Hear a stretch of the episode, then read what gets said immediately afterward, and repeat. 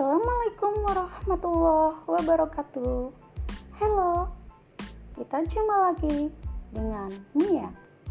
Pada kesempatan kali ini, saya akan membahas tentang fadilah sholat tarawih pada malam ke-30.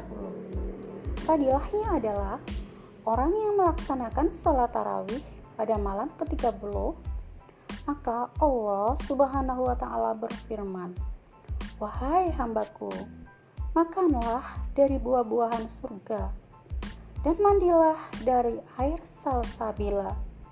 Minumlah dari telaga kausar.